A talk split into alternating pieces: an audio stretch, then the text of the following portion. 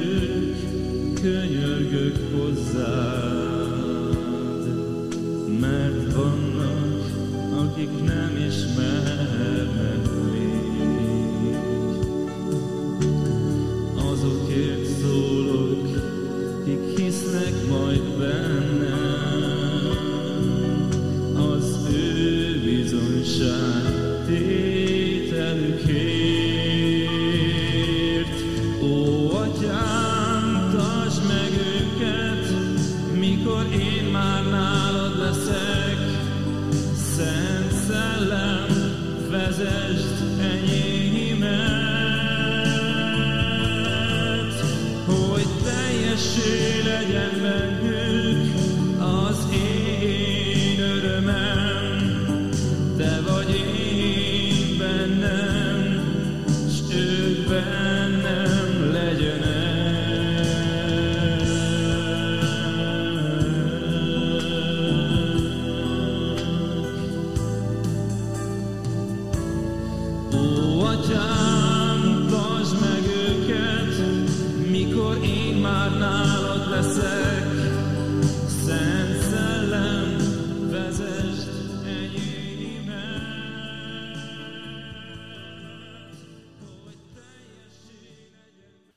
Bőti időszakkal készülünk a húsvétra, és ugye az a kérdés, Nelly, hogy neked mit jelent ez az időszak, mit jelent a lelki felkészülés a húsvétra, és ebben akár a bőjt.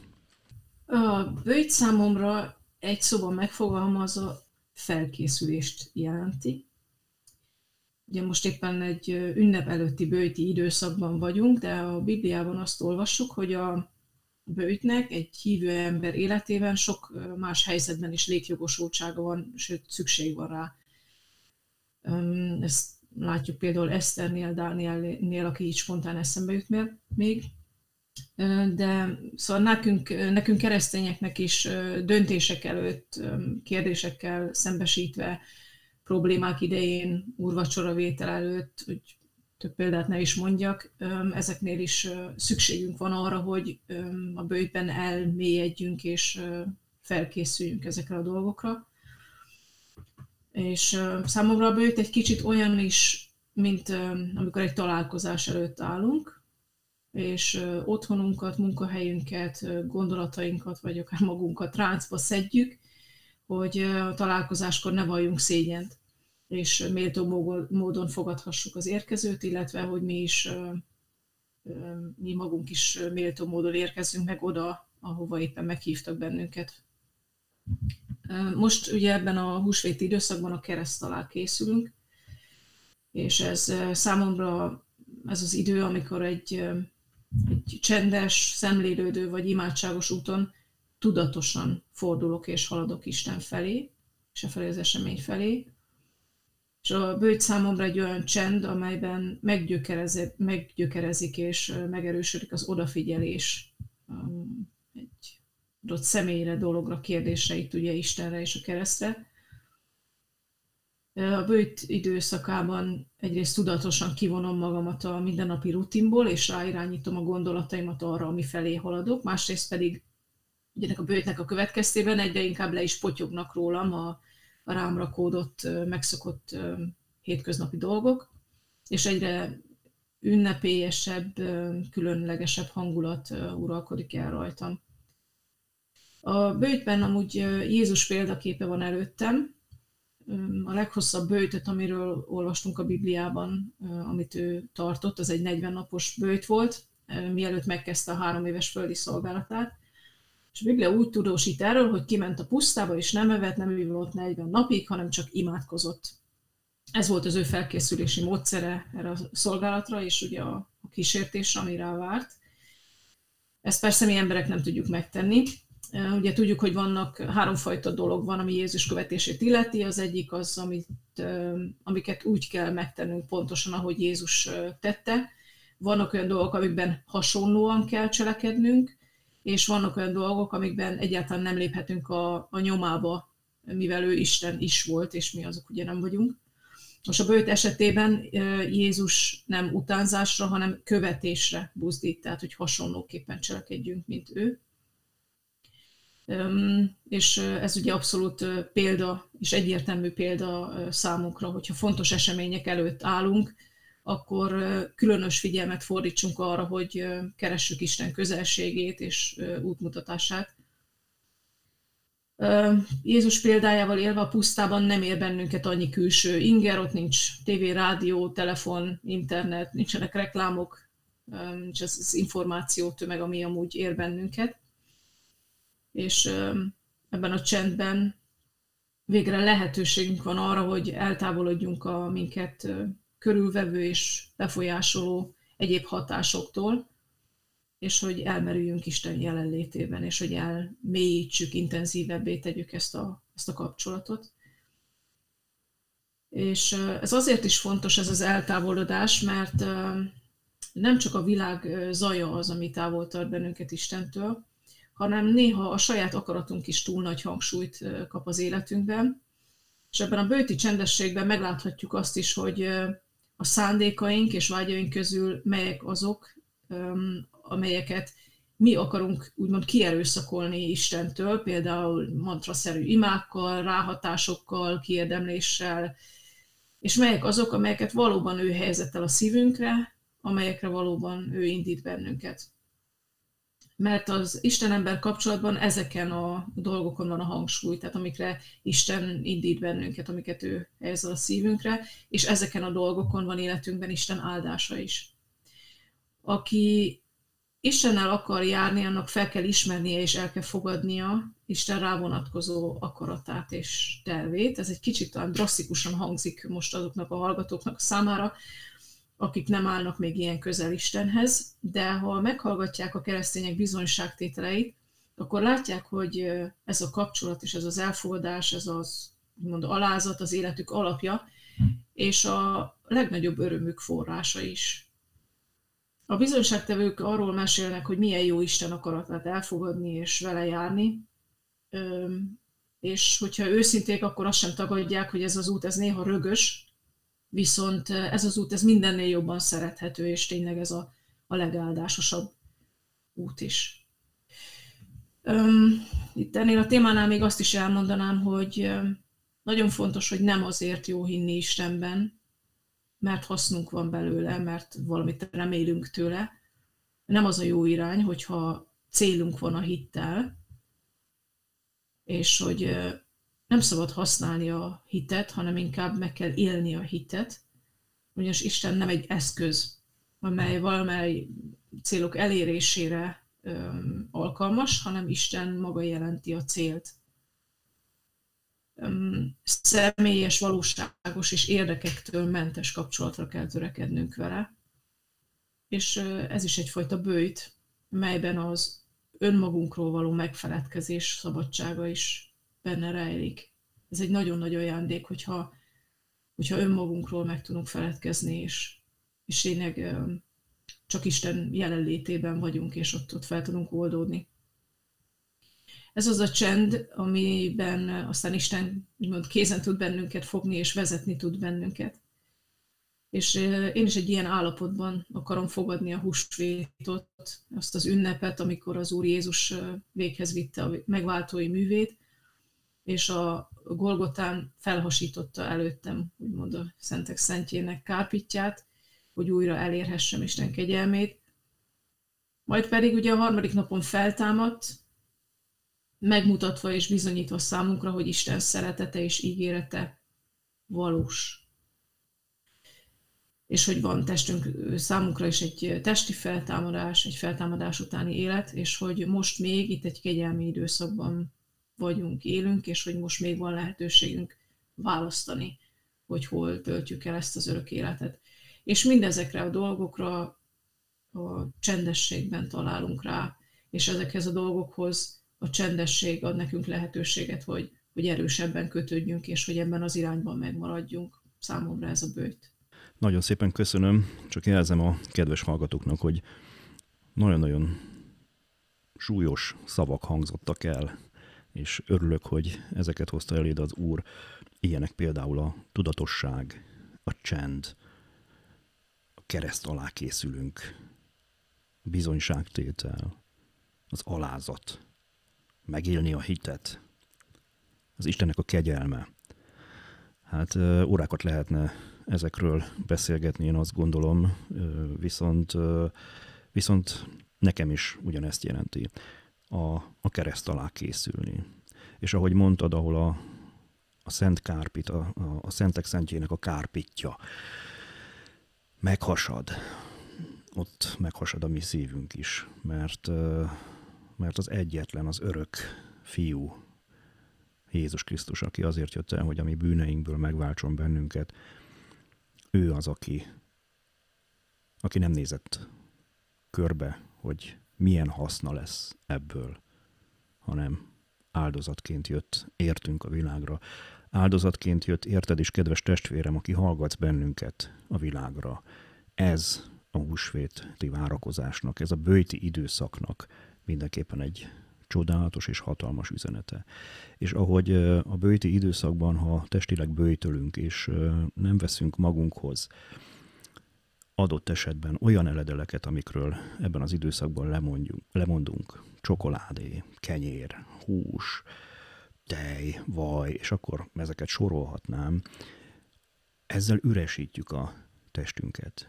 Üresítjük a testünket, és ezzel együtt üresítjük magunkat is, és kezdünk egy olyan állapothoz közelíteni, ahol, ahol mi is valamit, valamit adunk magunkból, valami, ami számunkra fontos, lemondunk. De hát hol van ez attól, amit Jézus Krisztus adott, értünk, nekünk. És ebben a testi bőjtben tudunk az imákon keresztül természetesen, hiszen óriási szerepe van a bőti időszakban az imáknak óriási szerepe van a bőti időszakban, az alázatnak, ahogy mondtad Nelly, hogy, hogy alázattal készüljünk a találkozásra, alázattal készüljünk a kereszt alá, hogy, hogy ott lehessünk majd azon a péntek hajnali órán, amikor, amikor elvégeztetik, amikor, amikor Jézus Krisztus a kereszten leszegi a fejét, és, és előtte azokat a szavakat mondja el nekünk, amiket a Szentírásból ismerhetünk. De hát ezzel reményeink szerint, hogyha az Úr éltet bennünket, akkor majd húsvéti adásunkban is fogunk foglalkozni. Ezzel az alázattal éljük meg a hitünket, ahogy mondott, hiszen kereszténységünknek a legnagyobb ünnepére készülünk, a húsvétra, arra az ünnepre, ahol Jézus Krisztus áldozata, az élete értünk töretik meg, viszont az örömhír benne van a feltámadás. A harmadnapon az a feltámadás, ami, ami, ami éltet bennünket, hogy az örök életben majd egyszer mindazokkal, akik már nincsenek velünk a családunkban, a baráti körünkben, velük fogunk találkozni. És természetesen ezért nagyon-nagyon fontos nekünk, és legyen fontos ez nektek is, kedves hallgatóink, hogy úgy járjatok ebben az életben, és úgy éljétek meg a hiteteket, és úgy éljetek ebben a kegyelmi időszakban, amit Isten kegyelmi időszakának hívunk, hogy fogjátok a hozzátok közelállóknak a kezét, fogjátok a hozzátok közelállóknak a kezét szorosan, igében, hitben, mert ha eljön az utolsó óra, amit tudjuk, hogy el fog jönni, akkor ne hagyjuk itt egymást. Akkor mi, akik egy lelki közösségben együtt vagyunk, akkor, akkor együtt tudjunk odaállni Jézus Krisztus elé. Együtt tudjunk odaállni majd az Atya elé, és együtt tudjuk azt a dicsőítést elvégezni, ami ránk bizatott, ott, ahol már nem lesz fájdalom, ott, ahol már nem lesznek gondok, és ott, ahol már nem lesz a mindennapi ébredésből felébredve sok-sok gond, amivel meg kell küzdenünk. Nem. Ott az örök élet vár bennünket, az az örök élet, ami nekünk megígértetett. Hát örülök neki, hogy ez, erről is tudtunk beszélgetni, vagy erről is tudunk beszélgetni, és nagyon szépen köszönöm neked, Nelly, a gondolatokat. Rákanyarodnánk a második témánkra, hiszen ebben a bőti időszakban, ahogy beszéltünk róla, nagyon-nagyon fontos az, hogy imában is készítsük magunkat. A bőjt, ahogy említetted, Jézus Krisztus életében hatalmas nagy szerepet játszott, hiszen a szolgálatának az elején egy 40 napos bőjtöt, és ahogy említetted, ami emberileg elképzelhetetlen, és talán nekünk abszolút nem is kivitelezhető, sőt, nem csak talán, hanem bizonyal hiszem, hogy kivitelezhetetlen. Jézus ezt is megmutatta nekünk, hogy ő az egyedüli, aki, aki ezt így tudja véghez vinni. Pontosan azért, hogy bizonyságot tegyen nekünk arról, hogy ő az, aki eljött értünk, megváltva bennünket a világ bűneiért. És hogy készítette magát a kereszt halálra, hogy készítette magát várva a húsvétot, várva az ő saját kereszt halálát, mert ne felejtsük el, ő már tudta, amikor eljött erre a világra, hogy mi van megírva. Ő elhitte az atyának a szavát, elhitte az atyának az igéjét, és tudta, hogy mire készül, és hogy mi készítetett el neki. Éppen ezért most felolvasom nektek a János evangéliumának a 17. részét, és arra kérlek Nelly, hogy utána a kedves hallgatókkal, kedves hallgatóknak majd mondjunk néhány gondolatot, és osszuk meg a gondolatainkat velük, talán egy kicsit gondolatébresztőnek, hiszen így húsvét táján sokszor olvasgatjuk akár a János 16-ot, vagy akár a János 17-et. Tehát Jézus főpapi imája. Miután ezeket mondta Jézus, tekintetét az égre emelve így szólt. Atyám, eljött az óra, dicsőítsd meg a te fiadat, hogy a fiú is megdicsőítsen téged. Mivel hatalmat adtál neki minden halandó felett, hogy mindazoknak, akiket neki adtál, örök életet adjon. Az pedig az örök élet, hogy ismernek téged. Az egyedül igaz Istent, és akit elküldtél Jézus Krisztust én megdicsőítettelek téged a földön azzal, hogy elvégeztem azt a munkát, amelyet rám bíztál, hogy elvégezzem, és most te dicsőíts meg, atyám, önmagadnál, azzal a dicsőséggel, amely már akkor az enyém volt, te nálad, mielőtt még a világ lett. Kijelentettem a te nevedet az embereknek, akiket nekem adtál a világból. A tieid voltak, és nekem adtad őket, és ők megtartották a te igédet. Most már tudják, hogy mindaz, amit nekem adtál, tőled van. Mert azokat a beszédeket, amelyeket nekem adtál, átadtam nekik. Ők pedig befogadták azokat, és valóban felismerték, hogy tőled jöttem, és elhitték, hogy te küldtél el engem. Én őértük könyörgök. Nem a világért könyörgök, hanem azokért, akiket nekem adtál, mert a tieid, és ami az enyém, az mind a tied, és ami a tied, az az enyém, és én megdicsőítettem ő bennük. Többé nem vagyok a világban, de ők a világban vannak, én pedig te hozzád megyek. Szent atyám, tartsd meg őket a te neved által, amelyet nekem adtál, hogy egyek legyenek, mint mi. Amikor velük voltam, én megtartottam őket a te nevedben, amelyet nekem adtál, és megőriztem őket, és senki sem kárhozott el közülük, csak a kárhozat fia, hogy beteljesedjék az írás. Most pedig hozzád megyek, és ezeket elmondom a világban, hogy az én örömöm teljes legyen bennük. Én nekik adtam igédet, és a világ gyűlölte őket, mert nem a világból valók, mint ahogy én sem vagyok a világból való. Nem azt kérem, hogy vedd ki őket a világból, hanem hogy őrizd meg őket a gonosztól. Nem a világból valók, mint ahogy én sem vagyok a világból való. Szenteld meg őket az igazsággal, a te igéd igazság. Ahogyan engem elküldtél a világba, én is elküldtem őket a világba. Én őértük oda szentelem magamat, hogy ők is megszentelődjenek az igazsággal. De nem értük könyörgök csupán, hanem azokért is, akik az ő szavukra hisznek én bennem, hogy minnyáján egyek legyenek, ahogyan te, atyám, én bennem, és én te benned, hogy ők is bennünk legyenek, hogy elhiggye a világ, hogy te küldtél el engem. Én azt a dicsőséget, amelyet nekem adtál, nekik adtam, hogy egyek legyenek, ahogy mi egyek vagyunk. Én ő bennük, és te én bennem, hogy teljesen egyé legyenek, hogy felismerje a világ, hogy te küldtél el engem, és úgy szeretted őket, ahogyan engem szerettél. Atyám, azt akarom, hogy akiket nekem adtál, azok is ott legyenek velem, ahol én vagyok, hogy lássák az én dicsőségemet, amelyet nekem adtál, mert szerettél engem már a világ kezdete előtt.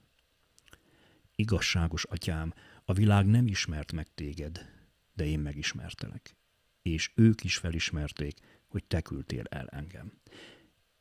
És megismertettem velük a te nevedet. És ezután is megismertetem, hogy a szeretet, hogy az a szeretet, amelyel engem szerettél, bennünk legyen, és én is ő bennük. Nelly, akkor hozd meg velünk légy a gondolataidat, ami erről az ige szakaszról eszedbe jut. Hát ez a szakasz, ez, ez tele van csodával. Tehát igazából nehéz megszólalni utána. Most néhány, négy, négy részt emelnék ki, négy verset, ami úgy igazából most ugye ebben a, a mostani időszakban nagyon megfog. Az egyik az a kilencedik vers, hogy én őértük könyörgök, nem a világért könyörgök, hanem azokért, akiket nekem adtál, mert a tiéd. Ebben az fog meg, hogy Isten fia maga imádkozott értünk. Gondolom, talán néhányan ismerik Reményik Sándortól az Valaki értem imádkozott című verset, ahol ugye azt meséli el, hogy megakadt az életben, és egyszer csak kirtelen elindult minden, mert valaki érte imádkozott. Most, hogyha belegondolunk arra, hogy Isten fia imádkozott értünk, ezt egyszerűen nem lehet toppolni az én gondolataim között. Tehát az, hogy az ő imádsága kísér bennünket el az életben, ez egy olyan biztonságérzetet, bizonyosságot és örömet ad nekem, hogy ez szinte felfoghatatlan számomra. A másik az a többé nem vagyok a világban, ez a 11. vers, többé nem vagyok a világban, de ők a világban vannak, én pedig te hozzád megyek, Szent Atyám, tartsd meg őket a neved által, amelyet neked adtál, és most jön, hogy egyek legyenek, mint mi. Ez, ez nekem azért olyan szép mondat, mert az utóbbi időben olyan sokszor megtapasztaltam azt, hogy mennyire fontos a, a testvérek jelenléte, a testvérek közössége, a, a beszélgetések, az imádságok, az online együttlétek, bibliaórák, és hogy az a gondolat, hogy úgy, ahogy a Szent Háromság egyben van forva, és együtt van, és egyért van, ugyanúgy együtt vagyunk mi is a testvérekkel, és ugyanúgy egy szív, egy lélek, és ez tényleg az utóbbi időben hihetetlen sok erőt adott, és azt hiszem, hogy minden nehéz helyzetben ez nagyon nagy segítség. Szóval ez, erről ez jutott eszembe. Aztán most először, most furcsán csinálom, most először 21-es verset mondom, utána vagy 15-öst. Tehát a 21-es versben az van, hogy hogy mindjárt egyek legyenek, ahogyan te, atyám, én bennem, és én te benned, hogy ők is bennünk legyenek, hogy elhiggye a világ, hogy te küldtél el engem. Hogy elhiggye a világ, hogy te küldtél el engem. Tehát azért vagyunk egyek, mert mi vagyunk Jézus küldetésének a bizonyossága. Tehát rajtunk mérik le az emberek, hogy Jézus valóban az volt-e, akinek mondta magát.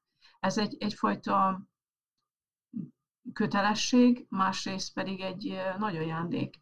Tehát az, amikor mi rajtunk látják, hogy milyen testvérek vagyunk, és hogyan viszonyulunk egymáshoz és Istenhez, és a többi emberhez, akár azokhoz is, akik mondjuk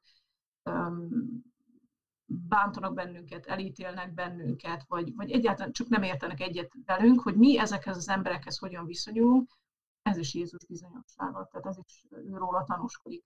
Ez egy nagyon fontos dolog, hogy ennek a feladatnak megfeleljünk. És akkor most jön a, a negyedik mondat, ami úgy kiugrott, ez nekem úgy a központ, most, meg amúgy is nagyon gyakran, ez a 15. vers, hogy nem azt kérem, hogy vedd őket ki a világból, hanem hogy őrizd meg őket a gonosztól. Um, nagyon-nagyon sokszor keresem elő ezt a verset, főleg akkor, amikor a a világ fáj. Tehát fájdalmat okoz nekem a világ, az istentelenség, a, a gonoszság látványa, a hatása, amikor a kétségbeesésekbe, kétségbeesésbe hajt, amikor azt kívánom, hogy már legyen vége ennek az őrületnek, ennek a kínnak, ennek a korszaknak, akkor ezért az ígért szoktam Jézushoz futni. Ez a fenti íge számomra egy gyógyír, és ezt ismételgetve a legszörnyűbb lelki állapotokból is ki tud hozni engem Isten. És még akkor is, hogyha magam vagyok ennek a szenvedésnek az oka, tehát nem mindig kívülről ér a bántás, hanem néha a saját fejemet verem a falba, akarva akaratlan, És ezzel az igével én úgy érzem, hogy Jézus engem magához ölel. És ahogy így imádkozik, és látom magam előtt az alakját az olajfák alatti sötétségben, hogy az atya elé borul, és végtelen szeretetével értem, imádkozik, és imádkozik értem, hogy Isten megőrizzen engem ebben a kegyetlen világban, saját bűneimtől, saját bűneim következményétől, következményeitől és az engem érő fájdalmaktól, hát akkor ez az ige megérteti velem azt, hogy az adott helyzeten nekem át kell mennem. Nem, nincs kerülő út, nem tudom kikerülni. És egyben viszont megérzem azt is, hogy nem vagyok egyedül. Tehát, hogy az atya ott van velem, ott van, őriz engem, mert ugye azt kérte tőle Jézus, és az ő kérését meghallgatja az atya, az ő megdicsőült fiát. És ez a, ez a vers, ez minden sebre tapasz nálam. Legyen az bármilyen baj, tudom, hogy Isten vigyáz rám, és nem fogja engedni, hogy nagyobbat essek, mint amekkorát kibírok, nem fogja engedni, hogy nagyobb csapás érjen, mint amit el tudok viselni. És néha fájnak ezek a dolgok, az őrületig nagyon-nagyon tudnak fájni, de Jézus imája, és ez a, ez a vers, hogy nem azt kérem, hogy vedd ki őket a világból, hanem hogy őrizd meg őket a gonosztól, ezzel közben is, mint mondtam, átölel és, és egyfajta védelmet ad. És amikor ezt olvasom, akkor úgy érzem, hogy Isten együttérzéssel néz engem, és örömet tartogat számomra a, a szenvedés másik oldalán. És, és nagyon elevenen érzem ilyenkor a, a jelenlétét. És ez olyan, mintha szinte Isten leheletét érezném a, a nyakamban a, a bajok kellős közepén. És ilyenkor nagyon sokat segít nekem, hogyha kimegyek a természetbe, és sétálok egyet, érzem azt, hogy lengedezik a szél, vagy fúj a szél körülöttem, és akkor eszembe jut megint az a, az, az ige, az is Jánostól van, a János evangéliumából, harmadik fejezet, nyolcadik vers, hogy a szél fúj, amerre akar, hallod az ugását, de nem tudod honnan jön és hová megy. Így van mindenki, aki a lélektől született. És ilyenkor érzem azt, hogy tényleg, mintha a lélek simogatna, és, és vigasztalna. Úgyhogy nekem ez a 15. vers, ez abszolút a csúcs. Köszönöm szépen, hogy ezt elmondhattam. Mi köszönjük, hogy ezeket a gyönyörű gondolatokat megosztottad velünk. A 15. vers az nagyjából ennek az ige szakasznak a közepére esik.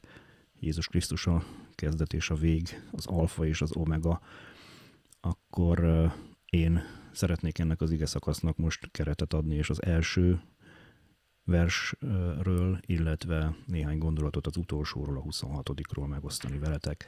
Így kezdődött, így kezdődik az ige szakasz, miután ezeket mondta Jézus, tekintetét az égre emelve így szólt, Atyám, eljött az óra. Drága hallgató, gondolj bele, ha neked eljön az óra. Te mit fogsz mondani? Te hol fogsz állni, hol fogsz térdelni? Nem tudod még. Egy dolog biztos. Vissza fogsz tekinteni arra, hogy mi történt veled ebben a földi életben. Mi az, amit itt hagysz? Mi az, amit megteremtettél magad körül? Nem az anyagiakra gondolok, nem az ingatlanokra, nem azokra a dolgokra, amiket nem tudsz magaddal vinni, hanem azokra a dolgokra, amik tovább élnek majd belőled, másokban. És Jézus tudta, hogy eljött az óra. És azt kérte az atyától, hogy dicsőítse meg őt, hogy ezzel a fiú is megdicsőítse őt. Azaz a halálát, az áldozatot, a vérét hagyta itt nekünk. Értünk. Drága hallgató, te mit hagysz majd itt másokért, ha eljön az óra? Mi lesz az, mire emlékezni fognak? Mi tudjuk ebből az ige szakaszból is, hogy mire tudunk emlékezni Jézus Krisztusban. És ez a csoda, amit itt hagyott nekünk. És az utolsó versben így ír János, és megismertettem velük a te nevedet, és ezután is megismertetem, hogy az a szeretet, amelyel engem szerettél, bennük legyen, és én is ő bennük. És amikor elmegy, nem azt mondja, hogy hiába jöttem értetek, mert bűnösek vagytok. Hiába jöttem értetek, mert nem hallgattok rám. Hiába jöttem értetek, mert semmibe vettétek a szavamat, és bármit mondtam nektek, ti nem teljesítettétek. Nem. Jézus Krisztus azt a szeretetet, ami egyedüli és megismételhetetlen, a Krisztusi szeretetet itt hagyta nekünk. Megismertette velünk a nevét, és megismertette az atyának a szeretetét, amiért jött, és erre mondta azt a kereszten, hogy elvégeztetett. Ezt hagyta itt nekünk. Drága testvérem, kedves hallgatónk, kedves hallgatóink, így készüljünk erre a húsvétra. Így készüljünk ebben az időszakban a kereszt alá, ahogy Nelly mondta. Így éljük meg a hitünket, mert a hitet csak így érdemes megélni. És ez az, ami miatt érdemes itt élni. Ez az, ami felkészít bennünket oda, ahova készülünk, az örök életre. Kedves hallgatóink, olvassátok el többször ezt az ige részt, többször ezt az ige szakaszt. Én ajánlom nektek, hogy a húsvétra készülve ebben a csendes időszakban, amikor csend vesz körül, remélhetőleg téged is, akkor nagyon sok üzenetet tud neked is itt hagyni. Ez az ige szakasz. Most viszont szeretnék a műsorunk második részére rákanyarodni, és hogy így igazából négy fül között vagyunk, csak a hallgatókkal. Uh, Nelly, um, mindketten szeretjük a verseket, mindketten szeretjük az írásokat, azt viszont lehet, hogy még kevesen tudják, hogy te írsz. Mégpedig nem is akárhogy, és megmondom neked, illetve hát természetesen örömmel osztom meg a kedves hallgatókkal is, hogy hatalmas nagy áldás a számomra, hogy már eddig, már eddig is néhány írásodat felolvashattam. És és mielőtt majd az egyik írásodat, ami engem nagyon-nagyon megfogott, bejátszanám, szeretnék megkérdezni arról, hogy mikor kezdtél el írni, és, és mi indított el téged erre?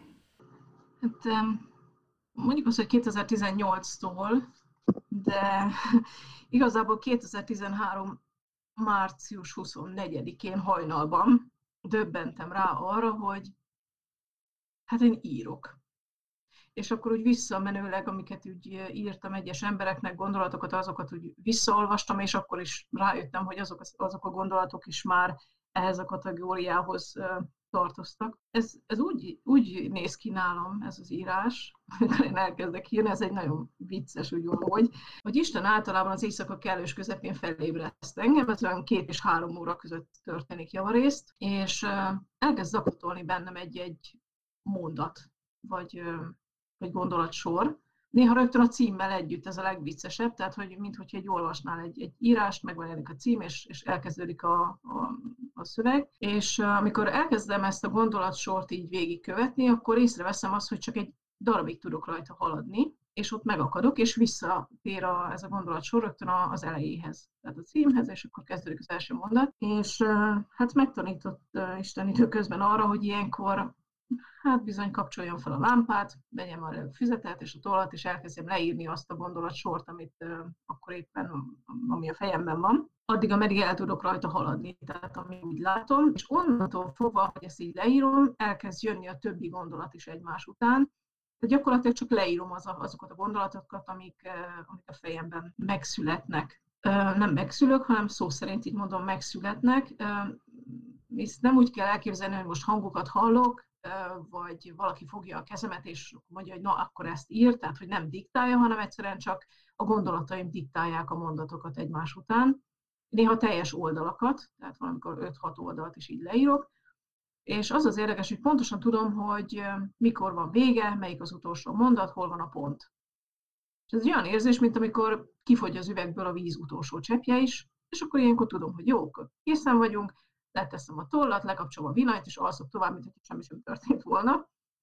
És a csodálkozás az reggel van igazából, amikor előveszem a füzetet, és újra átolvasom, amit írtam éjszaka.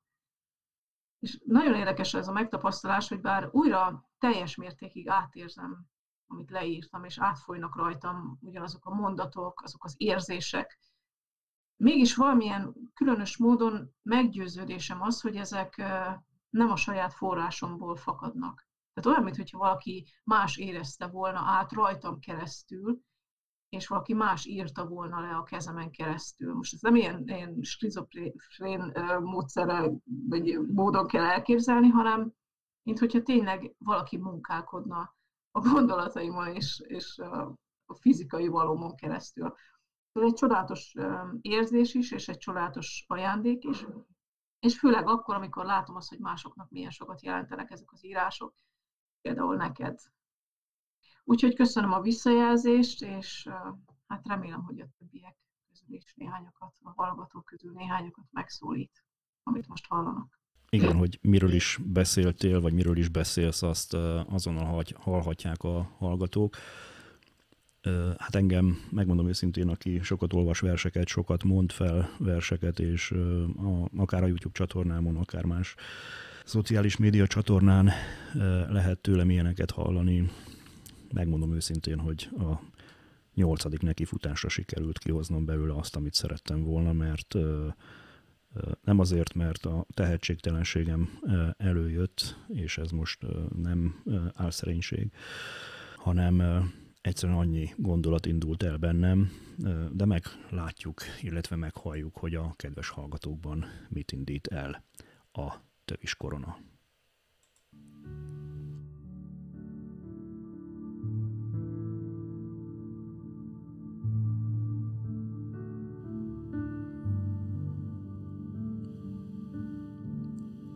Heine Cornélia, a tövis korona. Felriadtam az éjszaka csendjére, mintha üzenni akarna ez a végtelen nyugalom. Légy csendben, és várj az Úrra. Idézem a Zsoltárt. Zsoltárok 37.7. Isten felé fordítottam hát a gondolataimat, és a lelki szemeim előtt megjelent egy gyönyörű rózsa, melynek még az illatát is éreztem. Ahogyan tekintetemet szabályos, dús sziromlevelein legeltettem, a fókusz távolodott, és láthatóvá vált a bokor, amely a virágot hozta. Sűrű, sötét-zöld levelű, tömött bokor volt, mégiscsak egyetlen virágot hajtott. Figyelmem most a tüskékre fordult, melyekkel tömve volt a bokor minden ága. Az ágak lassan egymásba fordultak és egy kört alkottak, amely egyre szűkült. A tüskék pedig megnyúltak és hosszú, élettelen tövisekké váltak. Azt is láttam, hogy az éles tövisek belemartak egy ember fejbőrébe. Világossá vált, hogy Jézus amúgy is összetört testét kínozták. Ilyetten igyekeztem kihátrálni a váratlan jelenetből, melyet tetézett, hogy egy belső hang azt súgta, te készítetted ezt a tövis koronát. Erre megtorpantam. Én dadogtam vissza, de csak a csend válaszolt. Mintha lábaim gyökeret vertek volna. Nem tudtam mozdulni. Így egyedül maradtam a velem szemben álló Jézussal, akinek fején vádlóan égtelenkedett az otromba korona, és a tövisek okozta sebeiből szivárgott a vér. A korbács ütötte, mély sebeit palást vette. Kezében nádveszőt tartott. Szívem dobbanása elakadt, amikor szemembe nézett. Elvesztem sugárzó tekintetében. Szemeiben olyan erőt láttam, melyet nem érinthetett az ütleg, a kínzás és a gúny. Ez az erő elég lett volna arra, hogy hegyeket mozgasson, tengereket léptessen ki medreikből, kozmoszt teremtsen.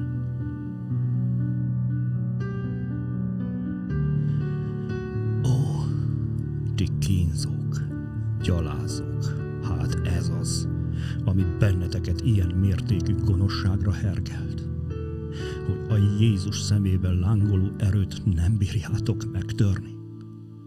Ez sarkal benneteket arra, hogy szinte az őrületig fajuló, szomjas düvel támadjatok testére és lelkére.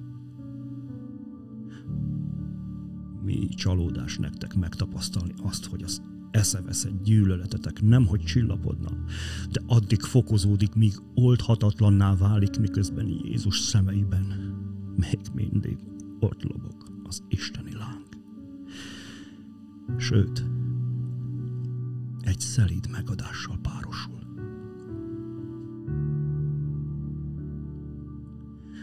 De állj, valóban jó kérdés. Ki készítette a koronát?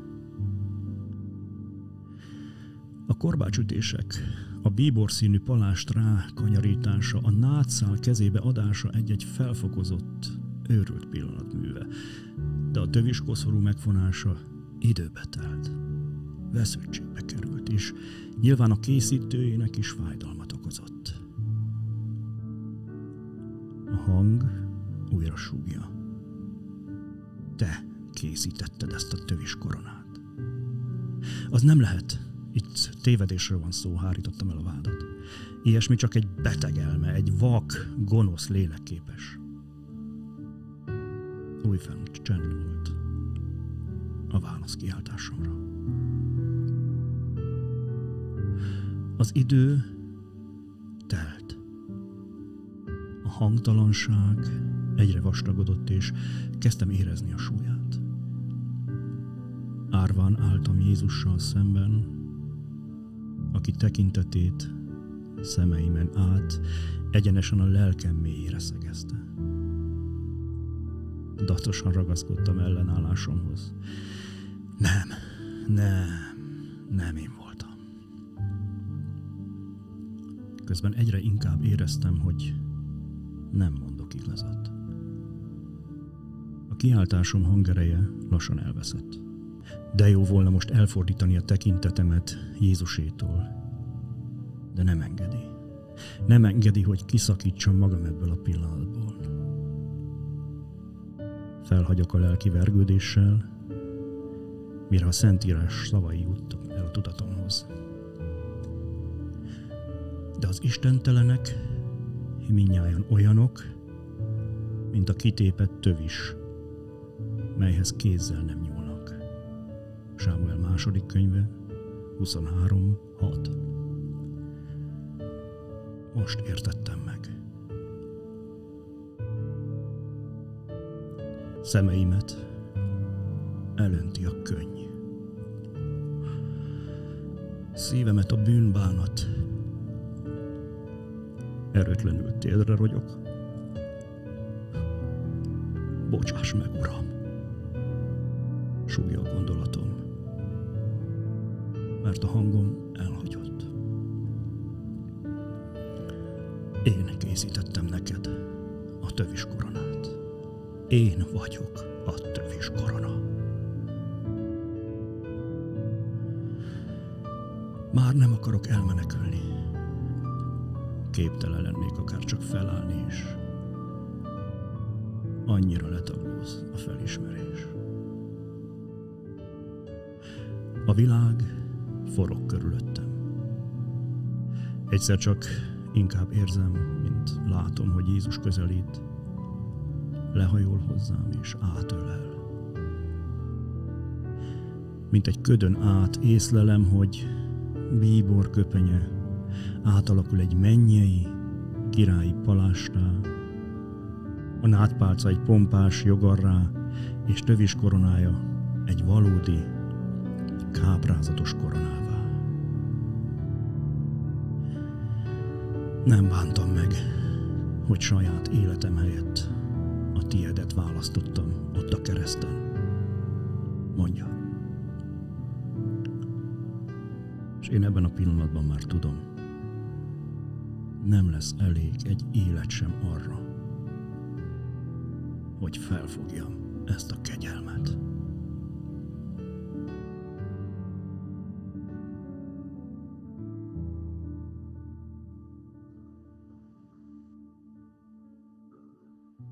Elég nehéz megszólalni.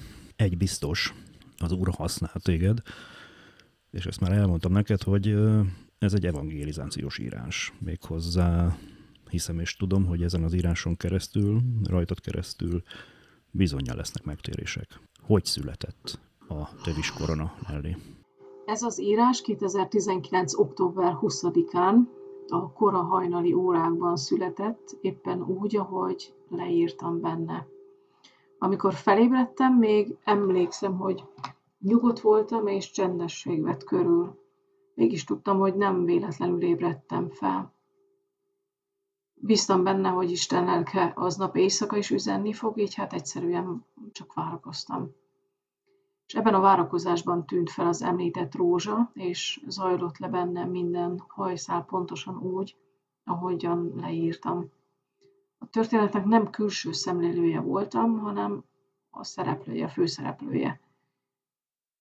Bennem rajtam keresztül történt meg gyakorlatilag minden. A látásom, a szaglásom és a hallásom, mintha a valóságot közvetítették volna, de belülről. És lelkélem zokogott ott térden állva, és valós könnyeket sírtam. Jézus ölelése pedig valóságos testi és lelki reakciót váltott ki belőlem, mint hogyha tényleg megölelt volna, bár tudtam, hogy nem emberi testével ér hozzám. Különös, hogy amikor ezt most igyekszem elmagyarázni, olyan erőtlennek, szürkének és olyan gyengének, semmit mondónak tűnnek a szavak, de amikor a lélek indít írásra, olyan kifejezéseket sugal, olyan dolgok jutnak eszembe, amik nagyon megközelítik a megélést. Egyébként ez számomra a bizonyság is, hogy nem a magam kútfőjére hagyatkozva eszkábálok össze történeteket, hanem eszköz vagyok az írásra. És ez egy csodálatos megtapasztalás, amiért nagyon hálás vagyok. Ezen a helyen mondok neked is köszönetet, Zsolt, hogy hangot adtál a Tövis Korona című írásnak. Biztos emlékszel rá, hogy amikor először hallottam a te előadásodban, nem tudtam mit mondani, annyira örültem, hogy még szavakat se találtam rá. Érzem, hogy a hangot segít átadni ezt az erős üzenetet, és köszönöm, hogy te is vállaltad, hogy eszköz legyél Isten kezében. Remélem, hogy a hallgatóink közül ez másoknak is bátorságot ad, hogy tudását, képességeit, lehetőségeit Isten szeker elé fogja. Szeretnék ezen a helyen továbbadni egy idézetet is Müller Györgytől, aki saját tőke nélkül, csak is Istenre hagyatkozva árvaházat alapított Bristolban még a 19. században, és élete végéig tízezer árvának adott otthont. Ez az idézet engem sok helyen billentett már át, és ezt kívánom a kedves hallgatóknak is. Ez így hangzik.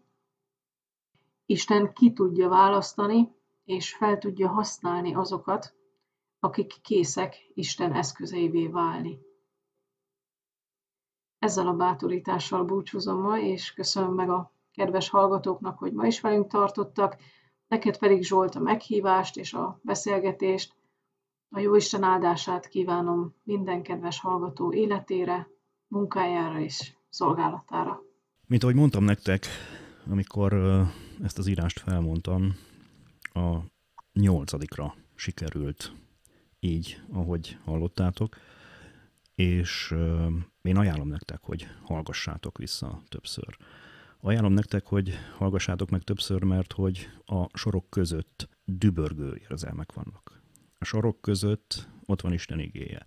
A sorok között ott van Jézus Krisztus maga. A sorok között és a gondolatokban, amiket Nelly tolmácsolt nekünk a, tollon, a tollán keresztül, ahogy Isten vezette, eh, ahogy született ez a mű, egyértelmű útmutatásokat adott nekünk egyértelmű jeleket adott nekünk arra vonatkozóan, hogy ki is készítette el a tövis koronát. Ki is az, aki ezt a sok mindent, ami Jézussal történt, előidézte. És most a sok mindent, azt idézőjelben mondom, és egészen céltudatosan így, hogy sok mindent. Ha ti is úgy gondoljátok, akkor, akkor gondolkozzunk majd ezen a továbbiakban. Gondolkozzunk majd ezen úgy, hogy, hogy előhozzuk akár ezt és akár más írását Nellinek, mert megmondom nektek őszintén, abban a kegyelemben van részem, hogy én már jó sokat olvastam belőle, és és, és érdemes a mai világban, abban a világban, ahol rettentő sok negatív impulzus ér bennünket. Rettentő sok olyan dolog történik, és olyan emberektől érnek bennünket, olyan emberek részéről érnek bennünket támadások, akik, akik sajnos a sötétség oldalán állnak. Sajnos azon az oldalon állnak, akikről tudjuk, hogy léteznek. Viszont van valaki, aki a király. Van valaki, aki a megmentő. Van valaki, aki a vérét adta értünk, az utolsó csepp vérét, és a teste értünk töretett meg. Pontosan azért, hogy az a szeretet, ami benne volt az atya részéről, az bennünk is megmaradjon. És egyedül ez a szeretet az, ami le fogja győzni azt a sötétséget, ami egyre nagyobb ébredést lát most jelen korunkban, ami egyre jobban terjed, és egyre nagyobb lesz az a támadási felület, ami ér bennünket, de tudom és hiszem, hogy ezt az egységet, a kereszténység közötti egységet csak és kizárólag úgy tudjuk megtartani, hogyha ha belülről egymásé maradunk ebben a szeretetben Jézus Krisztussal, amit ő itt hagyott nekünk. Hálás vagyok ezekért a sorokért, Nelly, a hallgatók nevében köszönöm neked. Hozd meg minél több helyen, legyen ez az írás minél több helyen jelen, hogy minél többen el tudják érni. És kérlek arra, hogy ne hagyd abba. Kérlek arra, hogy ha éjszaka fel kell kelned, és esetleg másnap reggel nem emlékszel rá, a toll az mindig legyen ott melletted, a toll mindig legyen ott az éjjeli szekrényen, hogy uh, ahogy, ahogy, ahogy Isten vezet téged, azokat uh, meg tud velünk osztani. Hálás a szívem azért, hogy ma itt ezt meghallgathattuk, és, és a rendelkezésünkre bocsátottad. Szokásunkhoz, szokásomhoz híven egy uh, énekkel, egy dicsőítő dallal, egy számomra nagyon-nagyon kedves énekkel köszönünk el a hallgatóktól, mégpedig már valahol készülve a nagypéntekre, hiszen a következő adásunkat nagypénteken fogjátok hallani. Azt tudjátok, hogy van egy út, amit úgy hívnak, hogy Via Dolorosa. Azt tudjátok, hogy mi történt. Azt tudjátok, hogy Jézus Krisztusnak még mielőtt a keresztre feszítették, ezen az úton kellett végigmennie, cipelve a saját keresztjét, cipelve a saját kivégzéséhez. Azt a keresztet, amire a mi bűneinkért odaszegezték. Van egy ö, csodálatos ö, dal, ez a Via Dolorosa, amit most egy fiatal kislány tolmácsolásában fogok nektek megmutatni, akit úgy hívnak, hogy Fazekas Niki, és zongorán kíséri Fazekas Edina.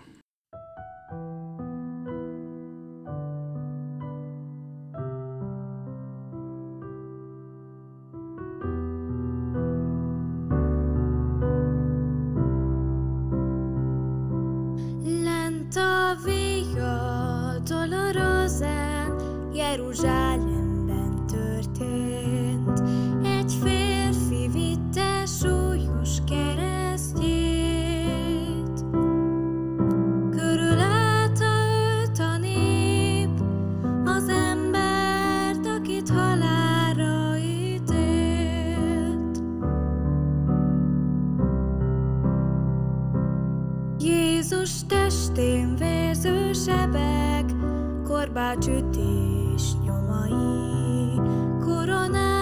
Védkeink, tövisei.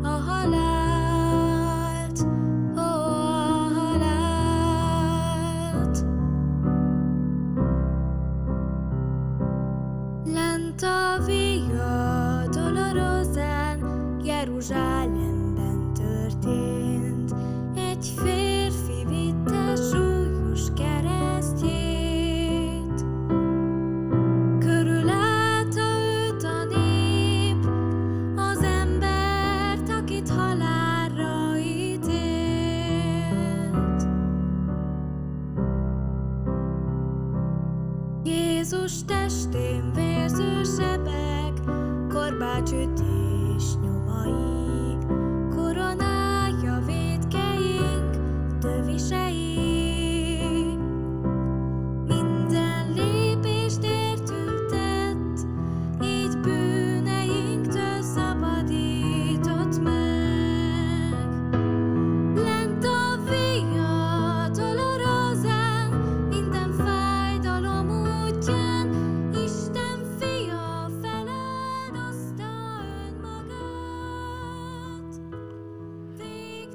Kedves hallgatóink, ha Isten éltet bennünket, találkozunk újra 2021.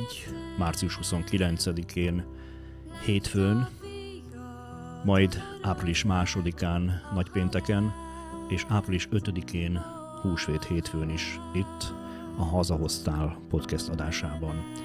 Hálás a szívem azért, hogy ma is velünk voltatok, hogy hallgattatok bennünket.